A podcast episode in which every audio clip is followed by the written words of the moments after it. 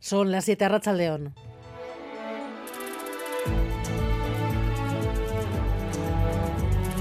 Gambara con Arancha García. Finalmente sí habrá descuentos a todos los viajes con Baric y Mugi. Se da marcha atrás a la decisión de la semana pasada. Se va a mantener la rebaja del 50%, aunque habrá que esperar al mes de febrero. David Beramendi. Vizcaya y Guipúzcoa dan marcha atrás y deciden extender el descuento del 50% a todos los títulos sin excepción. La medida se aprobará mañana en los consorcios de transporte de estos dos territorios. La medida tendrá mayor impacto en Vizcaya y es que la tarjeta monedero de Baric, la más utilizada, había quedado fuera. En el metro, por ejemplo, el 70% de los viajes se hacen con esta tarjeta. Por su parte, en Guipúzcoa, la que había quedado fuera era Mugi Anónima, la que solo utiliza el 10% de los viajeros. La rectificación llega tras la polémica de los últimos días, eso sí, por cuestiones burocráticas no entrará en vigor hasta la segunda quincena de febrero. De momento hasta febrero pues solo tendrán descuentos quienes tengan chartelas personalizadas y bonos y de momento esta tarde en la ventanilla de Metro Bilbao para sacar el abono del transporte hay colas Gary Suárez. A Racha León sí, desde este punto de información de San Mamés, donde hay parada de metro, también estación de autobuses y también la oficina del transporte público de Vizcaya, un punto eh, en el que durante toda la tarde muchas personas se han acercado, algunos para sacarse esa baric personalizada, otros simplemente para preguntar y resolver sus dudas. En cualquier caso, prácticamente todas esas personas han tenido que hacer cola, una cola que sigue a esta hora, ya que el goteo de gente ha sido constante. En estos momentos puedo contar más de 10 personas esperando su turno a ser atendidos. Eh, hemos hablado con ellos dicen que durante todos estos días les ha faltado información, que les sigue faltando ahora y la alegría de algunos cuando han sabido que las ayudas finalmente sí se van a mantener contrasta con el enfado y la incertidumbre que es generalizada. Escuchen. ¿Qué ilusión me haces, chico? Perfecto, vamos. A mí me soluciona muy bien porque se nota, ¿eh? Me parece que hay mucha incertidumbre, nadie sabe nada sobre el tema. Es un desastre. Poco cabreados. Hemos preguntado a las cabinas y no tienen ni idea tampoco. Entonces estamos ahí en el aire a ver cómo hacemos. No, no lo entiendo, no lo entiendo. mira cómo está. Lo estás viendo con tus ojos. Otro día vengo.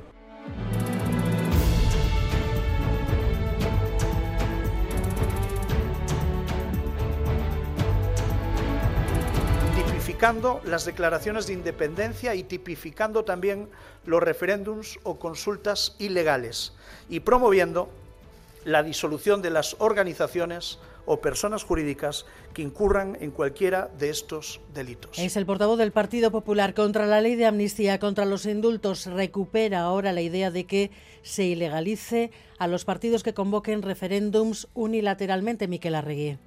Sí, el Partido Popular contraataca por la amnistía y pide la disolución de partidos y entidades independentistas. Propone hacerlo mediante la modificación del Código Penal y añade también se tendrían que penar las convocatorias de referéndum y recuperar el delito de sedición. Propuestas, incluidas en su enmienda a la totalidad que el Congreso rechazará el próximo jueves, al igual que pasará con la otra enmienda presentada por Vox. La extrema derecha ha querido superar una vez más las propuestas del PP, por lo que plantea cárcel eh, con penas de entre 6 y 10 años para quienes, como Pedro Sánchez, negocien con los huidos de la justicia. El PP que vuelve a exhibir posiciones de dureza justo cuando se ha sabido que sí intentó pactar con Junts, que sondearon al entorno de Puigdemont para el voto a la investidura de Feijóo en una reunión en Barcelona en el mes de agosto. Ayer un dron con explosivos mataba en Beirut al número dos y negociador de Hamas. Esta tarde dos explosiones en Irán durante un homenaje al jefe del ejército asesinado por Estados Unidos en 2020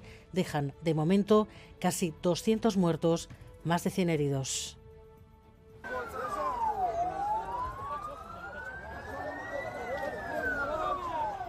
Es lo que se vivía esta tarde en una ciudad al sur de Irán desde el ataque contra Hamas ayer en Líbano. Entre tanto, sobrevuela la posibilidad de la entrada de Hezbollah en la guerra y por eso la expectación era máxima hoy ante la comparecencia del líder de la milicia esta tarde, Maya Esteban. Sí, discurso del líder de Hezbollah más largo de lo previsto, que ha comenzado tanto con las condolencias por los fallecidos ayer en Beirut como los de hoy en las explosiones de la ciudad iraní de Kerman. Mucha expectación ante la escalada de violencia de los últimos días, aunque Narrala ha dejado claro en su mensaje que apoyan a todas las milicias del resto de países del entorno, pero ha asegurado que cada Estado tiene que tomar sus propias decisiones.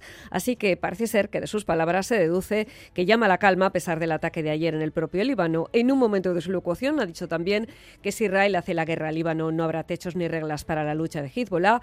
Ha querido también anunciar que las batallas no se ganan en un día, sino que llevan años, pero que también se están viendo ya avances como que la comunidad internacional está pensando en una solución de dos estados para el conflicto palestino-israelí, algo que entiende era impensable hace algunos años. Pues Hezbollah parece, por tanto, que no entrará directamente en el conflicto a pesar del atentado ayer en Beirut. Y además, los datos del paro 2023 terminó con menos desempleados y con récord de afiliación a la Seguridad Social y no a Iglesia. Sí, Euskadi y Navarra comparten titular el paro bajo y la afiliación subió en 2023 hasta alcanzar máximos históricos de casi 1.013.000 cotizantes en Euskadi, 305.000 en Navarra, cifras récord. El paro bajó en Vizcaya y Guipúzcoa respecto a 2022, no así en Álava, pero de media se cerró el año con 3.000 parados menos. Los jóvenes menores de 25, el colectivo más castigado, donde el paro incluso creció. En Navarra son 1.600 personas menos en las listas del paro al cierre del año. En general cifras positivas que desde los gobiernos ponen en valor, mientras que los sindicatos subrayan la precariedad creciente. Y sin duda la imagen de estas navidades, farmacias llenas de gente buscando un test o un antigripal estas navidades que han sido muy potentes. Se nota el repunte sobre todo de gripe. No nos hemos podido ir a comer y si nos íbamos a comer eran a las 5 de la tarde. Colas muy extensas de 170, 180 personas y no parar en todo el día. En una farmacia en Navarra y la incidencia sigue al alza. Aún no hemos llegado al pico. Parece además que estamos ante un nuevo ataque informático. La red de Orange lleva varias horas caída. ¿Qué es lo que sabemos, John Fernández Moro? Sí, los clientes que usan la red de Orange en el conjunto del Estado se han quedado sin acceso a Internet por lo que parece ser un hackeo. Poco antes de las 5 de la tarde se ha comenzado a notar la afección en el servicio. Cuando los usuarios intentan entrar en una página web, el navegador les muestra un error o simplemente es incapaz de cargar la página al completo. Orange no ha publicado un comunicado oficial todavía, pero sí ha admitido una incidencia sin especificar cuál y ha explicado que ya está trabajando para solucionarla cuanto antes. A algunos clientes, de hecho, se les ha asegurado que esperan lograrlo en el transcurso de las próximas horas. Y en carreteras un punto con problemas a esta hora. La Vizcaya 637, la carretera de la avanzada en Erandio sentido Guecho, se ha producido un accidente entre dos vehículos que están obstaculizando el carril izquierdo. Hay tráfico lento en ese punto, la avanzada, a la altura de Erandio hacia Guecho y los deportes, Eduardo García Rachaldeón. ¿Qué tal, Rachaldeón? Con el eh, inicio de la segunda vuelta de la Euroliga de baloncesto para Basconia, que va a recibir en casa al Panathinaikos de Atenas, el equipo que marcha cuarto en la clasificación en el cierre de la primera fase de la competición y que ha ganado los últimos cuatro partidos seguidos. Buena oportunidad para que los Idusco Ivanovic vuelvan a sumar en Europa después de un par de jornadas sin hacerlo. Tenemos también cierre de la primera vuelta en la Liga Femenina de Baloncesto, con Lointec Guernica buscando en Galicia su pasaporte para la Copa, ese que ya tiene IDK garantizado. Y también tenemos fútbol, la jornada 19 de Liga en Primera, que está jugándose desde ayer, ahora mismo en eh, recta final está el Granada 2, eh, Cádiz 0. A las 7 y cuarto comienzan el Real Madrid-Mallorca y el Cádiz eh, y el Celta Betis, perdón. Y para mañana quedan los partidos de Atlético y de Osasuna, el conjunto rojiblanco en Sevilla, en el Pizjuán, ante un equipo que está en horas bajísimas. Sin Geray, finalmente en la convocatoria. Y Osasuna que desde las 5 de mañana jugará en casa contra el colista, contra el Almería, un equipo que todavía no ha ganado ni un solo partido, así que bueno será que los de Arrasate hagan los deberes y su mente de tres ante el último clasificado de la tabla.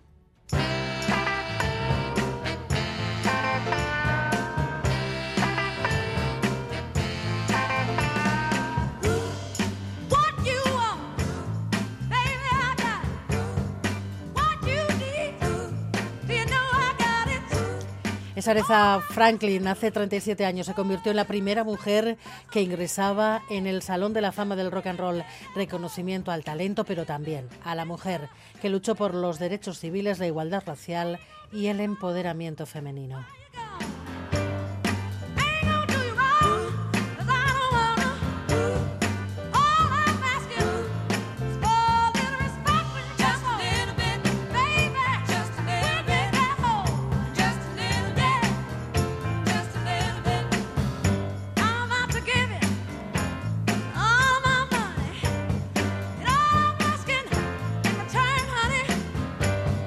Miguel Ortiz y Alberto Zubeldi están en la dirección técnica. Comenzamos.